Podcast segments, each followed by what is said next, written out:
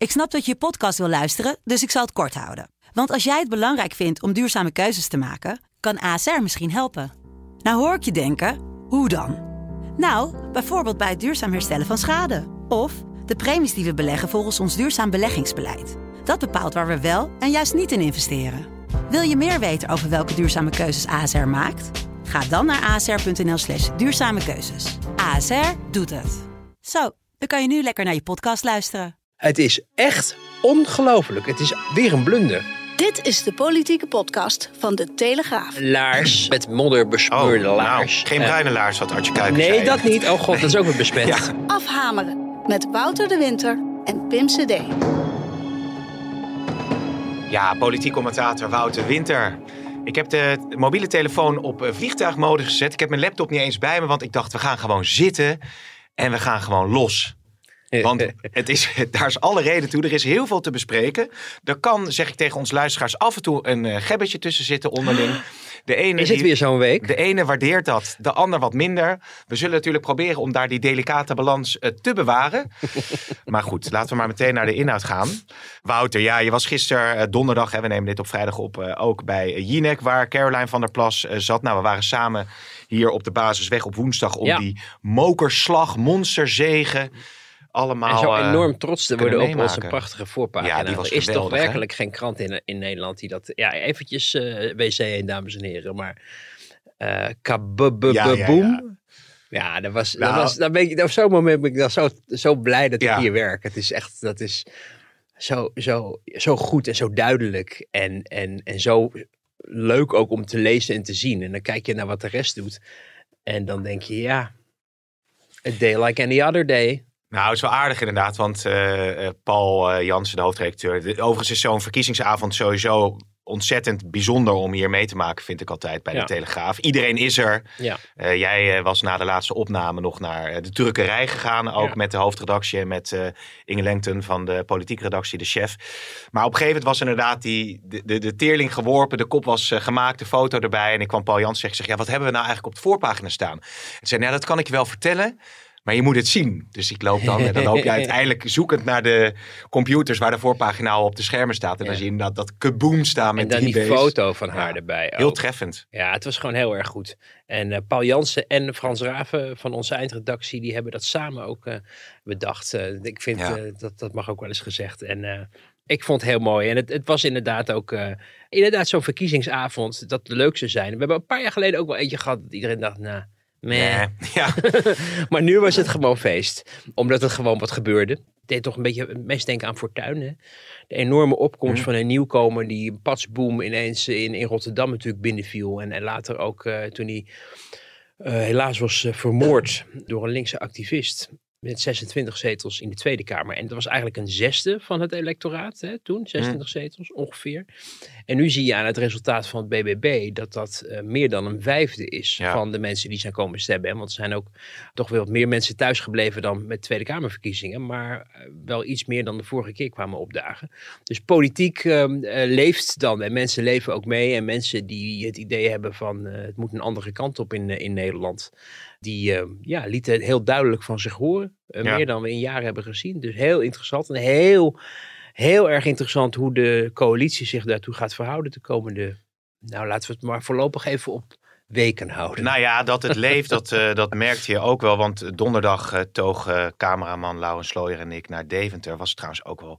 Ja, dat is dan toch wel bijzonder om mee te maken. Want dat je vaak- helemaal, naar, de, helemaal Nou, nee, naar maar, Deventer... ik, ik vond het wel aardig, want Zeggen wij vaak bij een grote verkiezingsoverwinning van een partij is het toch een beetje ge- georchestreerd op een bepaalde manier. De applausmachine is gaande, er wordt een hele grote taart wordt er bezorgd. Nou, er is dan even een momentje dat alle journalisten dat mogen ervaren en het gaat weer verder. Mhm.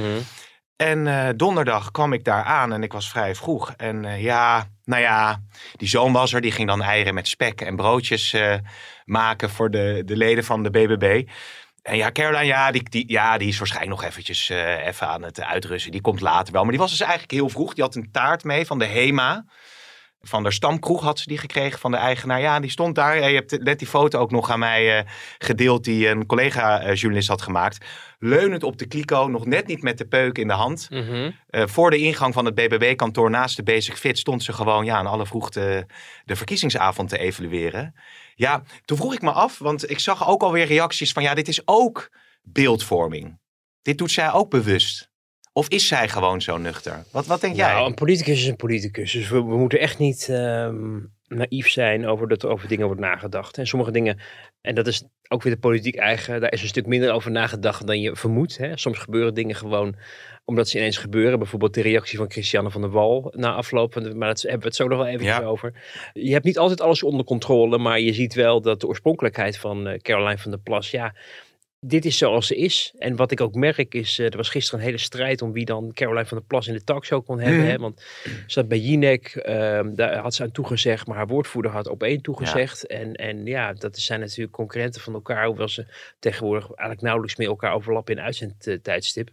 Maar ja, was strijd en uiteindelijk is het compromis gevonden van eerst naar Jinek en dan in de taxi naar Hilversum voor ja. op één uh, te doen. Uh, en dat kwam ook omdat Caroline zei, ja, ik heb een toezegging gedaan. En ik ga niet nu die toezegging intrekken. En ik hoorde dat dat ook bij een ander programma laat speelde. Toen was er ook een, uh, een afspraak gemaakt door Caroline. Want ja, het is allemaal toch een beetje houtje-touwtje, die organisatie. Ja, ja. En toen had, had, hadden andere mensen bedacht dat ze ergens anders naartoe moeten. Toen zei ze, ja, ik, ik heb die afspraak gemaakt, dus ik kom ik na. En dat in de afgelopen decennia wel gezien dat, dat op het moment dat mensen populair worden, uh, groot worden of minister worden. Dat is ook een heel interessant proces wat zich dan voltrekt uh, met mensen. Dan ineens hebben ze zelf geen mening meer of invloed zogenaamd over waar ze gaan zitten en wie ze te woord staan en, en wat ze willen zeggen. Maar dan wordt het allemaal voor hen bedacht en geregeld. En dan moet je voortaan je bij de woordvoerder melden in plaats van via de app of telefoon of in het, in het aanschieten. Bij haar vooralsnog niet. Dus laten we hopen dat dat, dat, dat zo blijft. Want dat ja. mogen meer politici wel hebben. Ja. Minder verwijzen naar woordvoering, maar gewoon uh, ja, jezelf zijn denk ik uiteindelijk toch ook een belangrijk deel van de overwinning geweest voor haar. En natuurlijk boosheid rond de manier waarop met stikstof wordt omgegaan vanuit meer het boeren-electoraat, zullen we maar zeggen. Maar ook, en dat moet je echt niet onderschatten, ook de populariteit in de grote steden en ook meer in de stedelijke provincies. Een proteststem. Mensen zijn gewoon, uh, hebben de, de handschoen uh, opgepakt om een schop uit te delen. Ja, het is misschien eigenlijk niet de handschoen dan, nee. maar ja, een schoen. Een, een laars, ja. met modder besmeurde oh, laars. Nou, geen bruine uh, laars, wat Artje Kuiken Nee, zei. dat niet. Oh god, nee. dat is ook weer besmet. Ja. We kunnen niets meer zeggen tegenwoordig. En, een gender, het was dat, een genderneutraal schoeisel was het. Okay, maar nou, er is wel een schop mee uitgedeeld. Die schop die, die dendert wel na. Niet alleen vanwege het schokeffect nu, maar ook vanwege het feit dat die partij vier jaar lang in de Senaat een machtsfactor ja. zal zijn. En dat is wat je op het eerste gezicht wel eens over het hoofd ziet. He, je denkt het is een soort tussentijdse verkiezingen, soort even de, de teen in het water gedoopt om de, de, de, mening in het land te proeven. En daarna gaat iedereen weer vrolijk verder. Maar Caroline van der Plas met haar BBB, 16, misschien 17 zetels in de, in de Senaat. Misschien dat er af en toe ruzie zal uitbreken, dat uh, iets afbreekt van die eenheid. Want uh, ja, dat is de parlementaire historie die dat laat zien. Maar die groep, die invloed, die is er wel vier jaar lang. Dat is tussentijds niet ineens verdwenen. Nee. En je ziet bijvoorbeeld dat, uh, dat op cruciale momenten voor, uh, ja, heel belangrijk zijn voor een kabinet de omgevingswet, die vorige week met de ja 21 zetels, voormalig forumzetels, aan de meerderheid is geholpen in de Senaat. Omdat andere partijen geen zin hadden om de coalitie te steunen. Dus je ziet dat die invloed echt vier jaar lang te merken zal zijn. Ja, ja, de grootste in alle provincies, hè? ook in Utrecht volgens ja. mij, uh, kwam nog naar voren. Nou is het de het vraag... Kan, zo bijzonder hè, dat het PvdA GroenLinks, vooral GroenLinks aan zei. Het kan gewoon, we kunnen de grootste worden. Nou ja, ja jij zit heel erg met die linkse volk. Die, die teasen we ook alvast even ja, voor ik later. Zag, ik zag die voorpagina van de Volkskrant vandaag, waarin ongeveer, nou ja, er stond, waren er nog net geen feestelijke slingers opgehangen uh, op de voorpagina. Ja. Maar het feit dat men gelijk blijft, of nagenoeg gelijk blijft, wordt daar als een overwinning al gevierd. En dat past een beetje in, in de, in de soort rare politieke traditie van de afgelopen jaren. Dat ieder uh, tegenvallen wordt verkocht als een succes. Want ja. het was minder erg dan we gedacht hadden. Of we hadden ook kunnen verliezen. Ja. En nu zijn we gelijk gebleven. Dus applaus voor ons allemaal. Ja. Goed gedaan. Terwijl, weet je, als jij zes jaar lang voor de PvdA en GroenLinks honderd jaar lang bij wijze van spreken in oppositie zit, met dit impopulaire kabinet, en het lukt je niet eens om, om, om, om een behoorlijke overwinning te boeken, dan heb je het echt niet goed gedaan. Nee, maar Plasterk schreef het ook in zijn column, want je voert misschien in de optiek van uh, Nederlanders een soort schijnoppositie, omdat je natuurlijk aan de andere kant ook heel veel meestemt met het kabinet. Ook dat, en dat hebben mensen natuurlijk ook door. Maar ik denk nog steeds wel dat je, vervallen misschien een beetje herhaling voor de vaste luisteraars, maar de tijd dat uh, Balkenende 2 op de troon zat en Wouter Bos met PvdA in de oppositie 60 zetels scoorde voor de Tweede Kamer, geeft aan dat op het moment dat mensen ontevreden zijn over de zittende macht, dat een geloofwaardig alternatief bij een gevestigde partij ook gewoon kan. Hè? Eh, dat mensen daar dus ook massaal naartoe stromen. En nu is het niet de PvdA of GroenLinks geworden, of de SP of de PVV. Nee, het is een nieuwkomer geworden. En dat geeft een heel interessant kijkje in het oordeel van uh, niet alle kiezers in Nederland, maar een behoorlijk deel van het electoraat. Namelijk dat het falen van Den Haag voor een belangrijk deel op het konto van de coalitie wordt geschreven, maar ook voor een heel belangrijk deel op het konto van ja, wat we dan maar even noemen het meubilair elders in Den Haag. Ja. Uh, kunnen noemen. Namelijk partijen die ook al heel lang zeggen dat het anders moet, maar kennelijk er niet in slagen om dat geloofwaardig nog over het voetlicht te brengen. Omdat mensen denken, jullie stellen ook teleur. Dat geldt voor PvdA GroenLinks, dat geldt voor uh, de SP, dat Nou. geldt voor de PVV. En natuurlijk, hij zeker ook voor Forum, wat natuurlijk de grote verliezer is van de Ja. afgelopen verkiezingen. Die natuurlijk in zijn toespraak was wel ook nog wel aardig. Ik had aan collega Marcel Vink gevraagd, want wij waren zelf niet. We zijn natuurlijk een kleinere organisatie qua video betreft. Of Marcel even de speech van Baudet kon filmen. Marcel was wel aanwezig. Marcel Vink. hè, Want die was onze- wel aanwezig bij de uitzage. Ja, Marcel Vink, eh, collega verslaggever, was daar aanwezig. Ik had even aan hem gevraagd, kun je even de speech van Baudet filmen? Waarop ik een half uur, geloof ik, aan materiaal in mijn mobiele telefoon kreeg. Ja. Nou, ik ben na twintig minuten, of nou iets eerder al gestopt, want wij moesten ook door natuurlijk. Ja. Maar eh, die had inderdaad een vrij bijzondere speech, eh, waarin hij aangaf Nou hoe ja, bijzonder het allemaal was. Het is allemaal, eh, het is allemaal crazy. Dan gaat die, die, die camera op die zaal en dan zie je wie daarop aan het klappen is. En denk ik, ja, Ja. Nou ja, hebben we Ja. natuurlijk ook al vaker eh, over gehad dat die eh, hun eh, machtspositie volledig zijn verloren. Jij gaf al aan, er is een eh, schop uitgedeeld met een eh, subtiel eh, laarsje. Dan is het natuurlijk de vraag hoe je daarop reageert als coalitiepartij, als minister.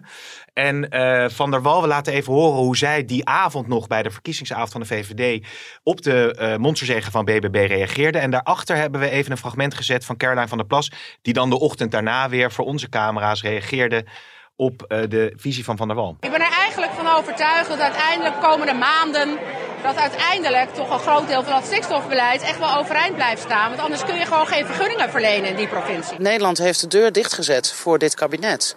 En ik vind het ongelooflijk dat een Rutte en eh, Van der Wal gewoon eigenlijk zeggen van... Rutte zegt van nou, we kunnen nog wel proberen om over links eh, te gaan. Om wat, eh, en Van der Wal zegt we gaan even door met het stikstofbeleid. Hebben jullie niet gezien wat er is gebeurd? Hebben jullie niet geluisterd? Ja. Dit is Ja. interessant natuurlijk, hè? ontluisterend was dat eh, woensdagavond. We zagen die, die beelden van de verkiezingsavond van de VVD binnenkomen. Ik heb me laten vertellen dat, eh maar ja, dat weet je natuurlijk ook niet helemaal zeker, maar dat het een, een, eh, niet was afgesproken. Hè, normaal op zo'n verkiezingsavond worden, wordt heel goed nagedacht over wie als eerste gaat reageren. Meestal is dat nog niet gelijk de partijleider. Zeker als het slecht nieuws is, dan is het meestal iemand anders die naar Hmm. voren wordt geschoven om de klap op te vangen.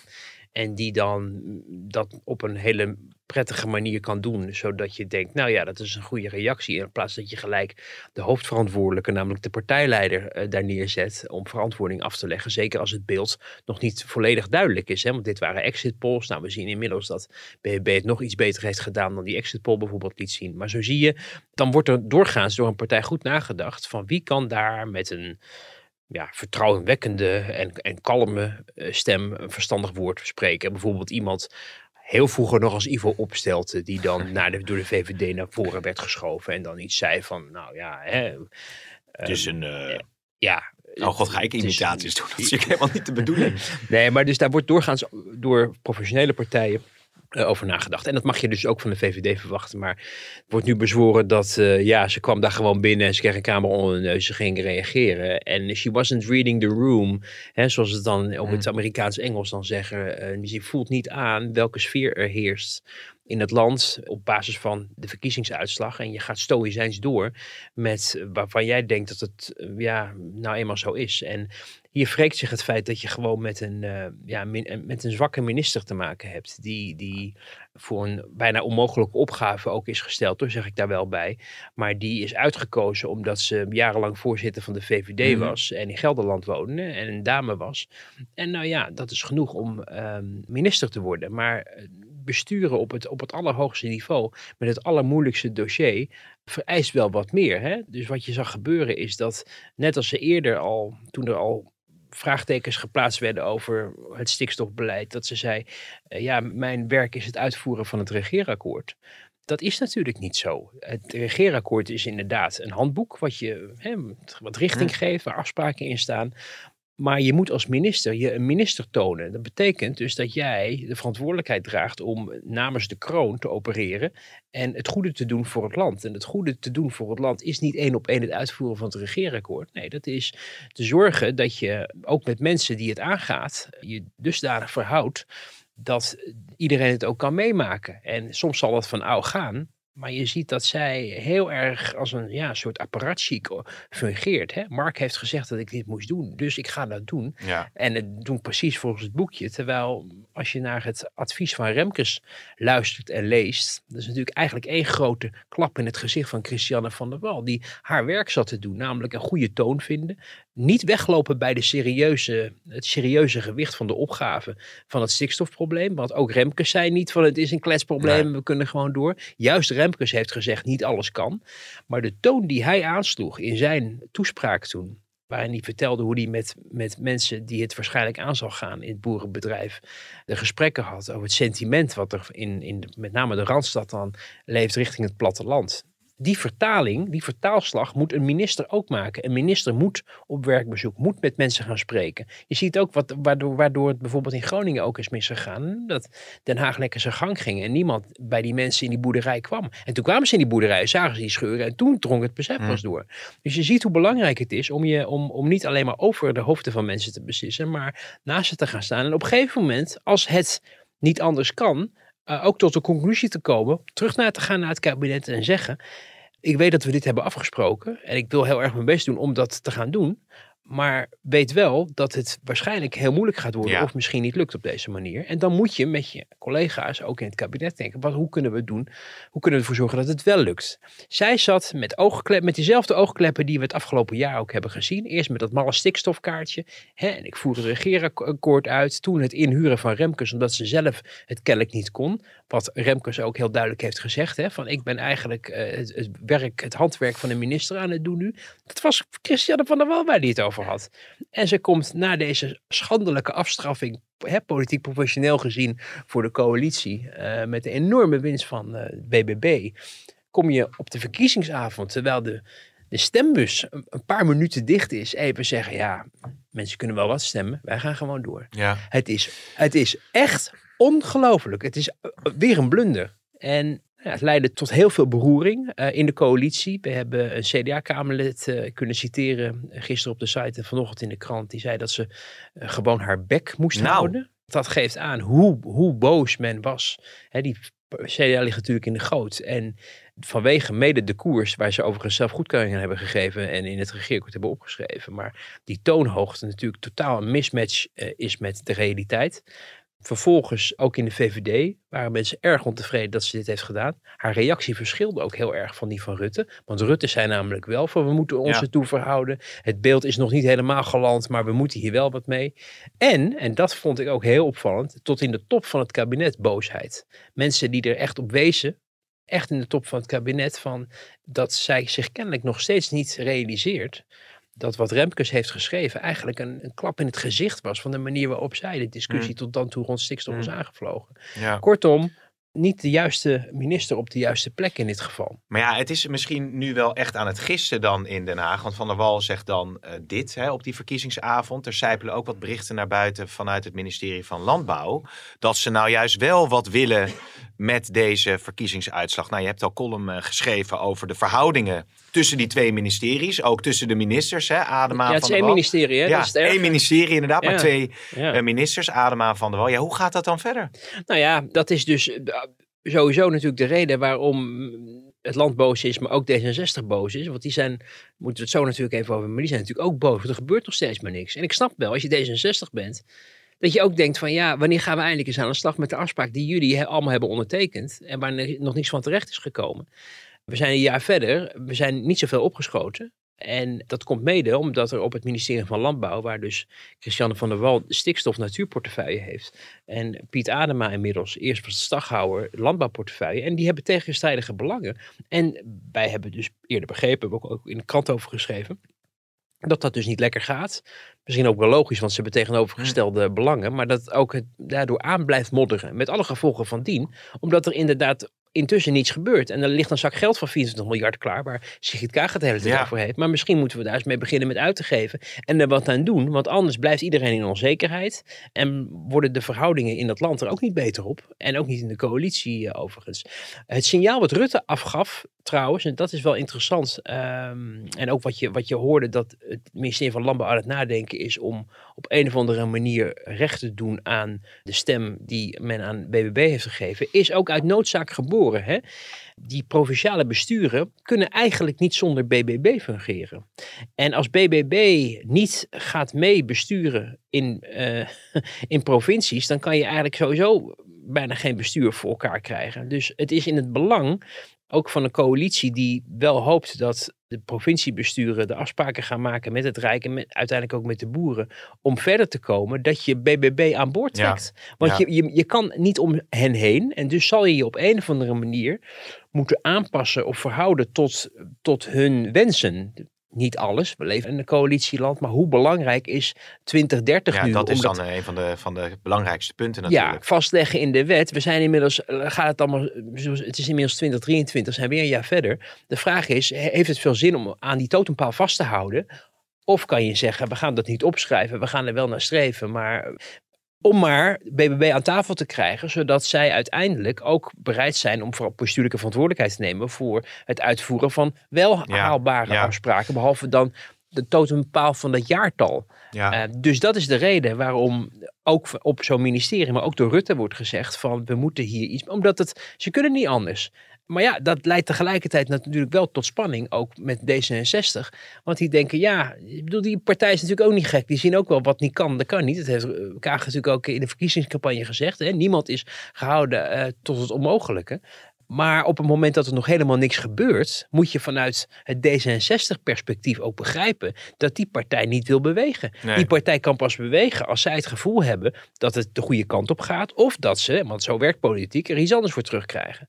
We hebben in het vorige kabinet ook al gezien dat afspraken die bijvoorbeeld in een regeerakkoord gemaakt waren en die voor één partij niet haalbaar waren. Ik denk heel erg aan Rutte 2, strafbaarstelling illegaliteit, inkomensafhankelijke zorgpremie. Uiteindelijk werd er toch gewield en gedeeld. Toen werd er voor de strafbaarstelling illegaliteit werd er, werd er gewoon extra wegen aangelegd.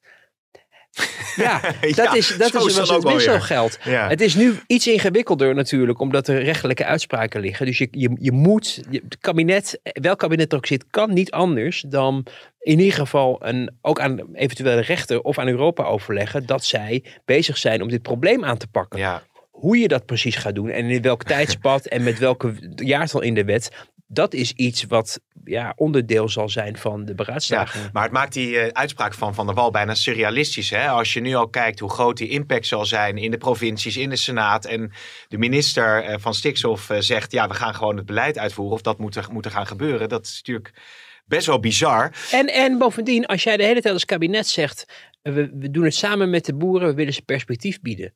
En op het moment dat die boeren, die nog steeds niets wijzer zijn geworden, een signaal afgeven van het gaat niet de goede kant op. En je zegt ja, wat jullie ook vinden, we gaan gewoon door zoals we het hebben bedacht. Ja, dan ben je dus eigenlijk je eigen, eigen strategie en je eigen mm. uitspraken aan het ondergaven. Want je luistert helemaal niet naar de boeren. Je vindt het helemaal niet belangrijk om perspectief te bieden. Want ja, eh, je hebt nou eenmaal die opdracht gekregen in het regeerakkoord. Die spanningen uh, binnen de coalitie, die zijn ook uh, evident. Tjeerd de Groot is natuurlijk het, het, het, het uithangbord van D66 als het gaat over ja, de, de, de, de stikstof- en klimaatlijn. Uh, Boswijk was campagneleider ook, als ik het goed zeg, hè, van, het, uh, van het CDA voor deze verkiezingen. En die kwam tot de volgende uitspraak. Ik denk echt dat Tjeerd de Grote grootste campagneleider voor het BBB is geweest. Dat Tjeerd niet gaat zeggen, we gaan een mes op de keel gaan zeggen, maar die energie steekt in het kabinet en zegt, potverdorie kabinet, kom nou eens een keer met die regelingen dat we daadwerkelijk stikstof kunnen gaan reduceren. Ja, de grootste campagneleider voor BBB wordt Cheert de Groot Ja, genoemd. Dat, ja. dat zegt ook al wat over de verhoudingen natuurlijk daar. Zeker. Ja, je merkt dus ook echt, echt vanuit die fractie eh, echt, eh, eh, echt boosheid richting een coalitiepartner. Eh, hè, te veel in, invrijven. Er is natuurlijk ook in aanloop naar de verkiezingscampagne overleg geweest in de top van de coalitie over elkaar heel houden. Hè? Niet te veel over migratie eh, vonden VVD en, en eh, D66, want eh, dat vond de Kaag allemaal ingewikkeld en vervelend. CDA wilde graag dat stikstof met elkaar heel zou houden. Maar ja, toen zeiden ze bij D66, maar de, maar de provinciale verkiezingen gaan over stikstof. Dus daar gaan we niet onze mond over houden. En D66 klopt zich ook op de borst. Hè? Eh, Kaag ook met, eh, ja, ook toch weer verloren verkiezingen. Maar die zegt dat ze een hele goede campagne eh, Ja. hebben gevoerd. Want ze hebben toch een heel duidelijk verhaal laten horen. Dat is kennelijk ook wel genoeg tegenwoordig. Je hoeft niet meer verkiezingen te winnen als je maar een duidelijk verhaal hebt laten horen. Heel fascinerend. En zo kletst ook iedereen zich daar weer in een, in een positie van wat hebben we toch goed gedaan eigenlijk. We zijn eigenlijk allemaal Ja. Everybody is a winner, zeggen ze dan tegen kinderen op een Amerikaanse lagere school. Iedereen krijgt de eerste prijs. Nou, uiteindelijk gaat, leidt dat tot teleurstelling in het leven.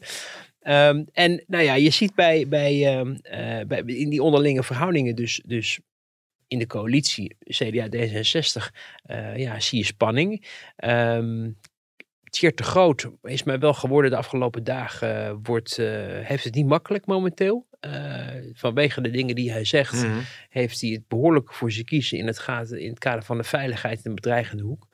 Ehm, dat is natuurlijk niet goed te praten. Een volksvertegenwoordiger moet kunnen uiten wat hij vindt, ook al is het controversieel. En ook al is het misschien onverstandig, hè, want dat kan eh, het echt nog steeds wel zijn als je vrijheid van meningsuiting gebruikt en, en politicus bent. Eh, maar het schijnt er pittig aan toe te gaan eh, momenteel. En collega's van hem, ook van andere partijen, maken zich, eh, maken zich daar zorgen over. Voor hem, maar ook voor Paternotte. Eh, omdat zij toch als een soort symbool worden gezien, inderdaad. En nu ook door het CDA worden aangewezen als ja, de tegenstander van, van de boeren. En, en daarmee de campagneleider voor BBB. Eh, nou, die onderlinge verhoudingen, dat is natuurlijk wel heel ingewikkeld. Omdat Boswijk en De Groot, maar ook ehm, Tom van Kampen van de, van de VVD bijvoorbeeld, die moeten uiteindelijk het handwerk doen als het gaat om het stikstofbeleid. Achter de schermen met elkaar, eh, ja, in de coalitiepolitiek het eens worden. Met Van Ja. der Wal, met Anema, Ja. maar ook met elkaar. Ja. Ja, als je elkaar eh, zo de maat neemt, worden dat natuurlijk geen prettige gesprekken. Dus dan zie je dat, dat dit echt aan het, ook aan, aan het doorvreten is in die coalitie. Maar je moet met elkaar eruit zien eh, te komen. Er moeten weer stappen worden gezet als het gaat over stikstof met het signaal van de BBB. Maar als ik jou zo beluister, is het maar de vraag of partijen willen toegeven. Ja. Eh, D66 zit er geharnast in. Het CDA kan al helemaal geen kant meer op, want die hebben zo'n afstraffing gekregen. Die zullen wel uitkijken om nog verder van die boeren verwijderd te raken. Ja, ja, de- CDA kan eigenlijk geen kant meer op. En je hoort ook wel, eh, hè, er is natuurlijk al eerder eh, in, in richting de zomer van vorig jaar, in aanloop naar het statement van Wopke Hoekstra, over het niet heilig eh, verklaren van zaken, eh, heel duidelijk aan die fractieleden ook gevraagd van realiseren jullie je dat op het moment dat wij, dat Hoekstra dit gaat zeggen, dat dat tot een conflict kan leiden in de coalitie, waardoor het kabinet ten einde komt. En realiseren jullie dat dat, welke gevolgen dat ook heeft voor de partij, voor jullie eigen Kamerlidmaatschap. Mhm. En eh, dat realiseerde men zich. En men heeft toch wel gezegd en gemeend dat dat moest. Omdat men natuurlijk vanuit de achterban hoorde, waar zijn jullie in hemelsnaam mee bezig? Dat sentiment is niet veranderd. Pieter Heerma heeft het herhaald in de Tweede Kamer. In, in, de, in het debat wat naar aanleiding van, die, van het interview eh, toen werd gehouden. Maar ook eh, ehm, eh, vrij recent nog, begrijp ik, ehm, vanuit kabinetskringen in de ministerraad. Waarin Hoekstra wel heel duidelijk heeft gezegd van dit was geen spelletje. Wij vinden dit nog steeds. Eigenlijk best wel op, op veel vlakken dezelfde lijn als BBB eigenlijk doet. Mhm. Hè? Want die waar, waarschuwen ook op de kloof, op de haalbaarheid van de plannen. Ja, Alleen BBB kan dat als fris en onbeschreven blad natuurlijk communiceren. CDA wordt niet meer vertrouwd, want die hebben uiteindelijk wel ingestemd met het regeerakkoord wat het nu ligt. Zijn daar onachtzaam ook in geweest. Hè? Hadden natuurlijk veel verstandiger moeten zijn. Eh, En niet alleen maar denken, wat goed dat we PvdA GroenLinks buiten de deur hebben gehouden. Waar kan ik tekenen voor het regeerakkoord? Mhm. Nee, dit ligt zo heftig en gevoelig en is ook, wordt als onhaalbaar eh, eh, beschouwd in een flink deel van het CDA-electoraat. Dus daar hebben ze iets te makkelijk, wordt ook in het CDA toegegeven, hebben ze iets te makkelijk Ja. zijn ze daarmee akkoord gegaan. Ehm, dus dus ehm, ja, dan is dus de vraag van hoe gaat dit, hoe gaat dit verder? En dat is natuurlijk de 100.000 euro vraag. Iedereen vraagt zich af, kunnen ze hier uitkomen van het kabinet? Rutte kan zijn borst in ieder geval gaan nat maken. Want die zal eh, het maximale van zijn eh, capaciteiten moeten vragen om dit eh, groepje bijeen te houden, denk Weet ik. je wat het, wat het, wat het nog het, dat het meest idiote is daarvan? Dat hij het nog leuk vindt. ook. Ja, dat vindt hij leuk, hè? Hij vindt dit dus heel leuk. Hij, dit is weer ingewikkeld. Dan moet hij daar weer een, een, eh, geitenpaadjes een beetje platgetreden geitenpaadje Koffie drinken. Koffie drinken. Waar is Maar, weer niet van? maar dit is een nieuwe uitdaging. Hoe, krijg je die, hoe krijg je dit weer eh, voor elkaar? En ik, ik denk, een beetje ook, ook de doctrine van Donner, oud-minister, eh, oud boegbeeld vroeger van het CDA. Je moet eh, partijen mede verantwoordelijk maken. Ehm, dat is met de PVV gedaan in, in, in Rutte 1. Ehm, dat is met eh, de LPF gedaan in Balkenende 1. Eh, dat is nu iets wat in de provincies moet gaan gebeuren. BBB moet verantwoordelijkheid dragen, omdat zij dan niet meer ehm, kunnen ja, blijven drijven op het beloven van dingen zonder verantwoordelijkheid te nemen. Want ook BBB zal kiezers teleurstellen, want zo werkt dat in de politiek. Ja. Want je moet compromissen sluiten. En, en ik denk dus dat de tactiek is dat men gaat proberen om hen zoveel mogelijk eh, binnen de beperkte marges die er zijn de coalitie te omarmen. Om ze mede verantwoordelijk te maken voor een beleid wat linksom of rechtsom eh, ja, eh, ehm, ehm, ja, moet beginnen. Maar dan wel op een manier waarop mensen het kunnen meemaken. In plaats van het dictaat uit Den Haag. Zoals het vooralsnog nog steeds wordt geventileerd door de minister voor Stikstof. Ja. Ga naar koppenrollen, denk jij, uiteindelijk. Ik, wat, weet je wat ik een heel gek fragment vond? Was ook bij Jinek eh, eh, donderdagavond. Jair die heeft dan natuurlijk een beetje zijn olijke toon. En die loopt dan zo een beetje rond. En toen kwam die Lucille Werner tegen. Nou ja, Lucille Werner, Tweede Kamerlid van de CDA. Ja. En die, Zag die, er heel anders uit. die eh, zag er even wat anders uit. En die werd gevraagd, ja, van iets in de strekking van... Goh, hoe, ki- hoe kijkt u nu naar, naar Hoekstra? Of mogen we dat niet zeggen? Nee, mag je, mag alles zeggen. Oh. In afhameren mag je alles zeggen. Maar ze wilde zich daar niet over uitspreken. Van, van, goh, hoe moet het nou verder met Hoekstra? Of kan Hoekstra blijven?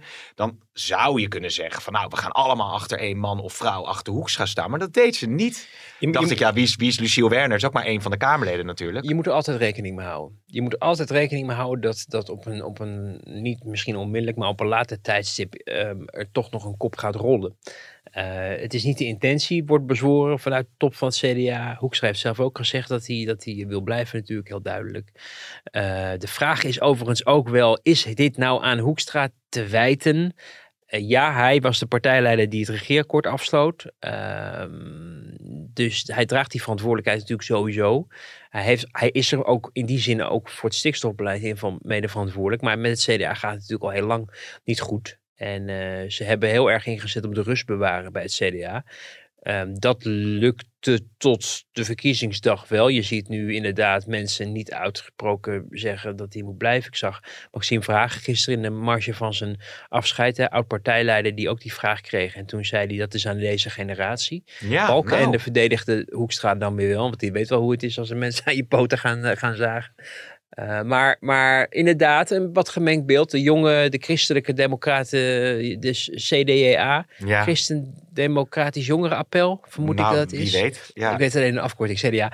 Eh, die, die, die zijn ook van, ja, het is de zoveelste verkiezingsnederlaag op rij. Want daar wordt- dan Tweede Kamer en, en ook lokaal bij, eh, eh, bij opgeteld, zeg maar. En dan hoeveel, vaak moet het toch misgaan. Ik weet niet of het nou per se aan Hoekstra ligt dat het CDA zo massaal heeft verloren. Maar hij is wel verantwoordelijk. En, en, en, en wat ook nog steeds, maar dat hebben we ook al vaak geroepen, de, de, de combinatie met het ministerie, min- ministerschap voor Buitenlandse Zaken. En ehm, Ja. het partijleiderschap is ook in het verleden heel ingewikkeld gebleven. En dat zal nu niet anders zijn. Zeker omdat de problemen weliswaar eh, op internationaal niveau over Oekraïne gaan. En hij daar echt wel nuttig werk kan doen, denk ik. Maar ehm, de verkiezingen worden niet op dit moment althans bepaald door wat er in het buitenland gebeurt. Maar hoe mensen de binnenlandse politiek ervaren. En daar is hij de afgelopen tijd wel veel achter de schermen in het land in geweest. Maar hij is daar niet echt een, een, een doorslaggevende factor. Eh, Nee. in, ook niet in de publiciteit. Eh, sowieso het CDA natuurlijk niet echt. Ook niet Heerma die dat, eh, die dat stokje Nee.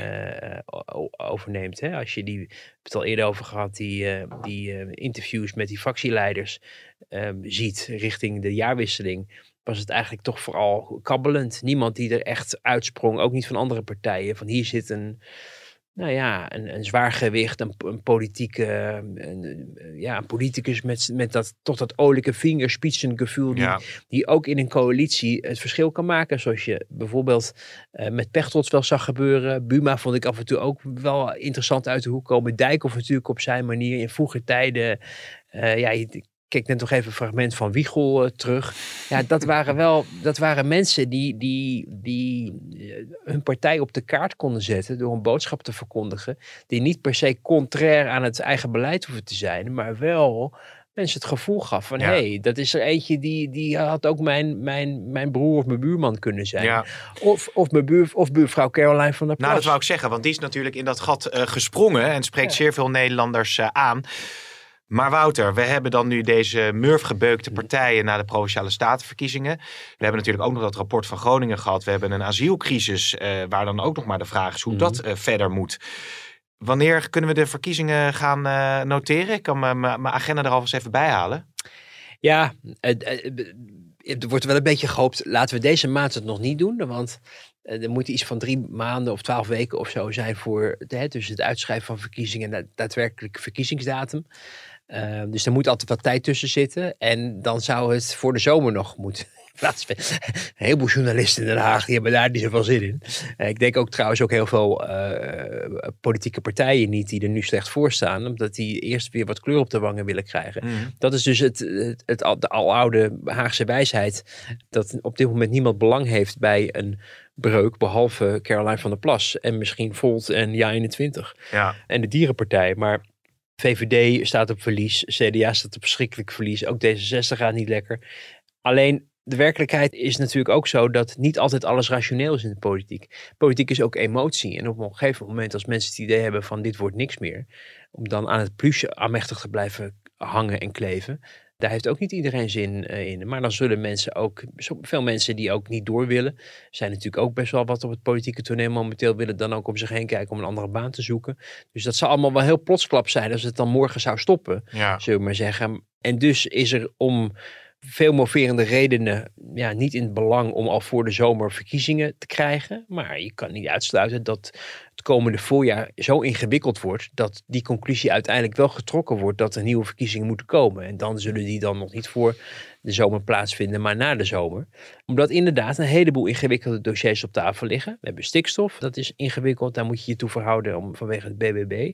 Maar je hebt natuurlijk ook nog steeds het migratiedossier. Is nu eventjes wat minder in het nieuws, maar de VVD grote woorden voor gebruikt. We begrijpen dat, het, dat D66 in de persoon van de partijleider zelf, Sigrid Kaag, uh, daar toch heel erg veel moeite mee heeft om daar op, op te gaan veranderen. Dus dat wordt ingewikkeld. Natuurlijk met de hoop bij de VVD dat als het daarop misgaat, dat de kiezer dat zal belonen. Ja. Omdat ze denken van, nou ja, ze houden in poot stijf op een voor veel kiezers toch ter rechterzijde belangrijk onderwerp. En je hebt nog weer een nieuw probleem. Um, dat is het klimaat, uh, het klimaatbeleid. Ja. Waar we twee dagen voor de verkiezingen. Nou, dat rapport. Op voorspraak van een D66-minister, wink Ja. wink, Rob Jette. Ik zag het, ja. Die dan even laat verklaren, ja, dat er wordt geadviseerd om eh, vlees en zuivel maar zwaar te Prikkelend noemde die het rapport volgens mij, hè? Ja, en dat, dat, dat is natuurlijk, dat vinden de mensen ter linkerzijde natuurlijk prachtig. Uh, alleen, uh, het is, daardoor werd ook in de coalitie gezegd, een puur partijpolitiek actie om dit rapport vlak voor de verkiezingen uit te brengen. Mm. Om te laten zien, kijk eens, we moeten wat doen en we gaan het doen en we vinden het belangrijk uh, dat het die kant op gaat. Maar je hoort nu al bij natuurlijk het CDA, maar ook bij de VVD. Het is niet zo dat wij automatisch dat allemaal gaan accorderen. Nee. En Mickey Adriaanse, de, de, de minister van Economische Zaken, die liet ook al gelijk blijken dat zij nog niet overtuigd is dat er nog iets extra's gedaan moet worden. Kortom, Nee. dat is nog een probleem wat er aan zit te Ja, komen. dan gaat het over het belasten van vlees, vliegen, noem het maar, om uiteindelijk de klimaatdoelstellingen te halen en de bijdrage die de burger daaraan eh, moet gaan eh, Nou ja, en, leveren. en, en, die, en ook weer die wishful thinking eh, eh, atmosfeer. Namelijk dat je denkt dat mensen eh, eh, het acceptabel vinden om voor hun voedsel nog meer te gaan betalen. Hmm. Terwijl de inflatie natuurlijk al de pan uitreist.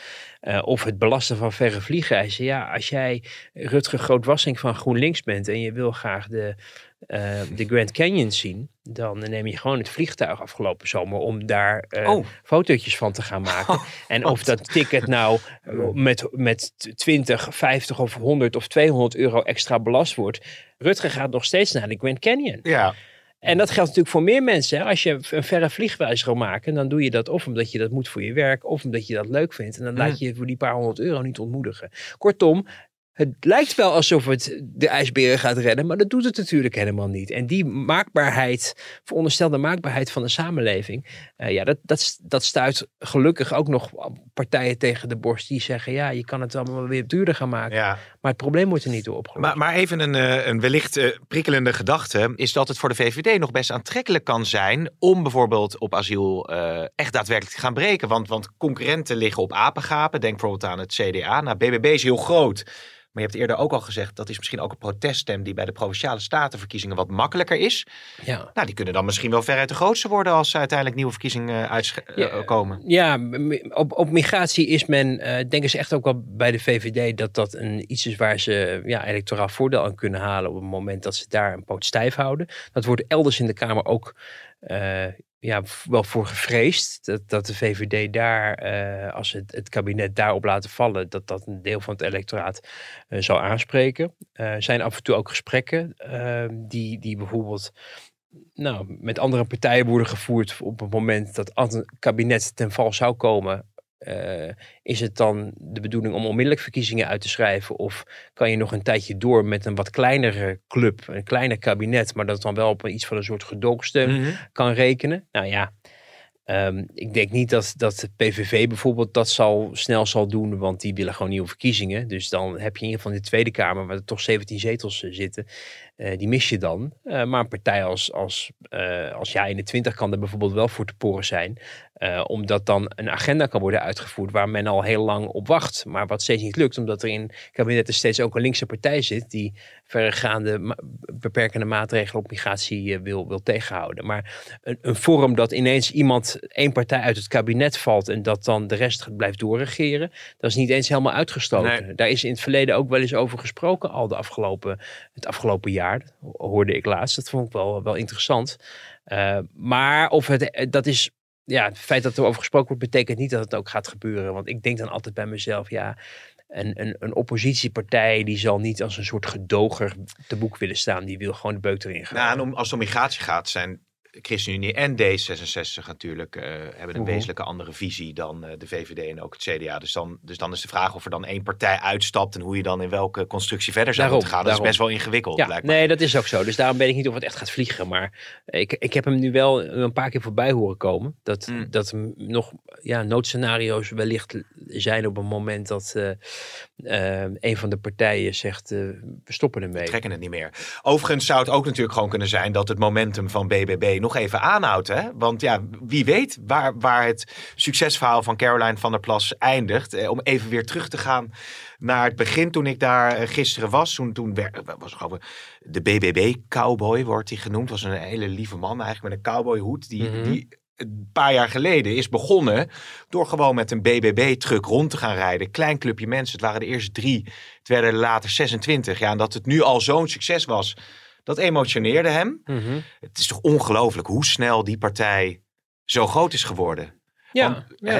hè, heb je dat eerder? Ja, het is natuurlijk bij, bij LPF ook eh, gebeurd, maar onder wel een heel ander gesternte, denk ik. Ja, ja, nou ja, het proteststem is echt een heel belangrijk onderdeel. Je hoorde natuurlijk misschien zelf ook wel in je omgeving mensen die het aan het overwegen waren. Misschien heb je het zelf gedaan, dat je denkt, het maakt toch niet zoveel uit. Wat weet ik, ik ken toch eigenlijk niemand in de provincie. Dus of het nou een on- onbekende BBB'er is of een onbekende andere partij is, wat, Hmm. wat, eh, eh, wat, ja, wat maakt het eigenlijk uit? Ehm, ja, je, je, je hoopt voor de sake van die partijen die allemaal verloren hebben, dat ze zich realiseren dat, er, eh, nou ja, dat, dat de kiezer nog steeds in, in grote getalen op drift kan zijn. En, en, en je dus ook kan ver- verrassen.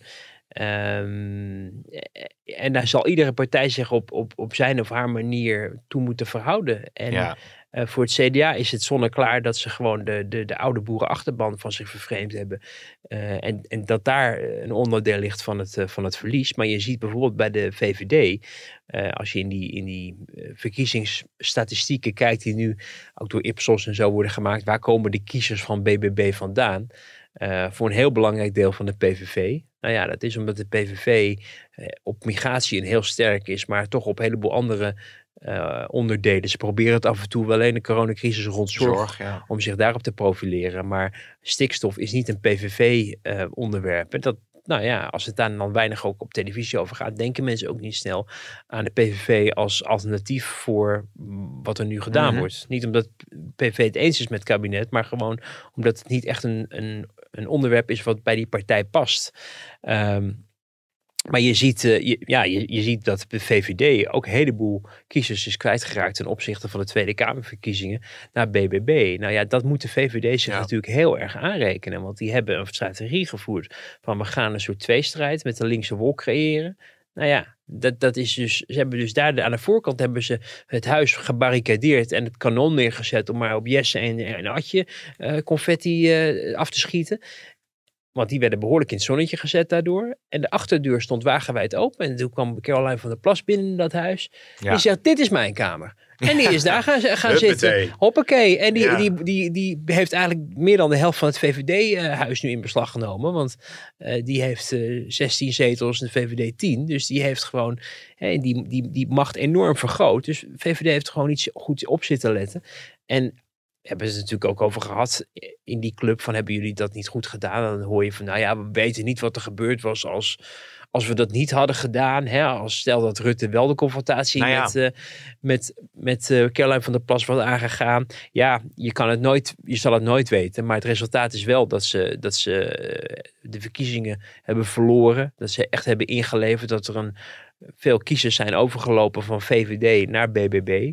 En, en intussen een linkse wolk die zich heeft hand, geha- kunnen handhaven. Die er uiteindelijk toch beter uit is gekomen dan de VVD. Nou ja, dan kan je onmoeilijk concluderen, onmogelijk concluderen dat de VVD een goede strategie heeft gevoerd. Nee, nee, nee. En, en dan heb je die linkse wolk nu over. Nou ja, daar gaat... dat- Wil je daar nog iets over kwijt, over de linkse wolk? Want we zijn inmiddels naderen we Ja, de bonusminuten. Ja, nou, alleen, alleen dat het, dat het ehm, eh, weet je, ze willen zo graag laten zien en ze willen zo graag weer relevant zijn. En, en dat ze een goede strategie hebben gevoerd om samen te gaan. Maar ja, als je naar de cijfers kijkt, het is gewoon niet zo. Eén zeteltje erbij, zoals het er nu naar uitziet voor de PVDA. GroenLinks gelijk gebleven. Nou goed, voor GroenLinks niet per se een hele slechte score, omdat die eh, ja, hier wel, wel steady blijven. Dus dat kan je ze wel eh, nageven. Maar je ziet dat er nog steeds ook ruimte is voor een Partij voor de Dieren om wel te groeien. Dus Ja. dat zijn toch eigenlijk vroeger kiezers die je net zo goed bij GroenLinks thuis zag zien. En de PvdA wordt gewoon opgeslokt door, door een GroenLinks verhaal. En in armoede hebben ze zich daar maar bij aangestoten.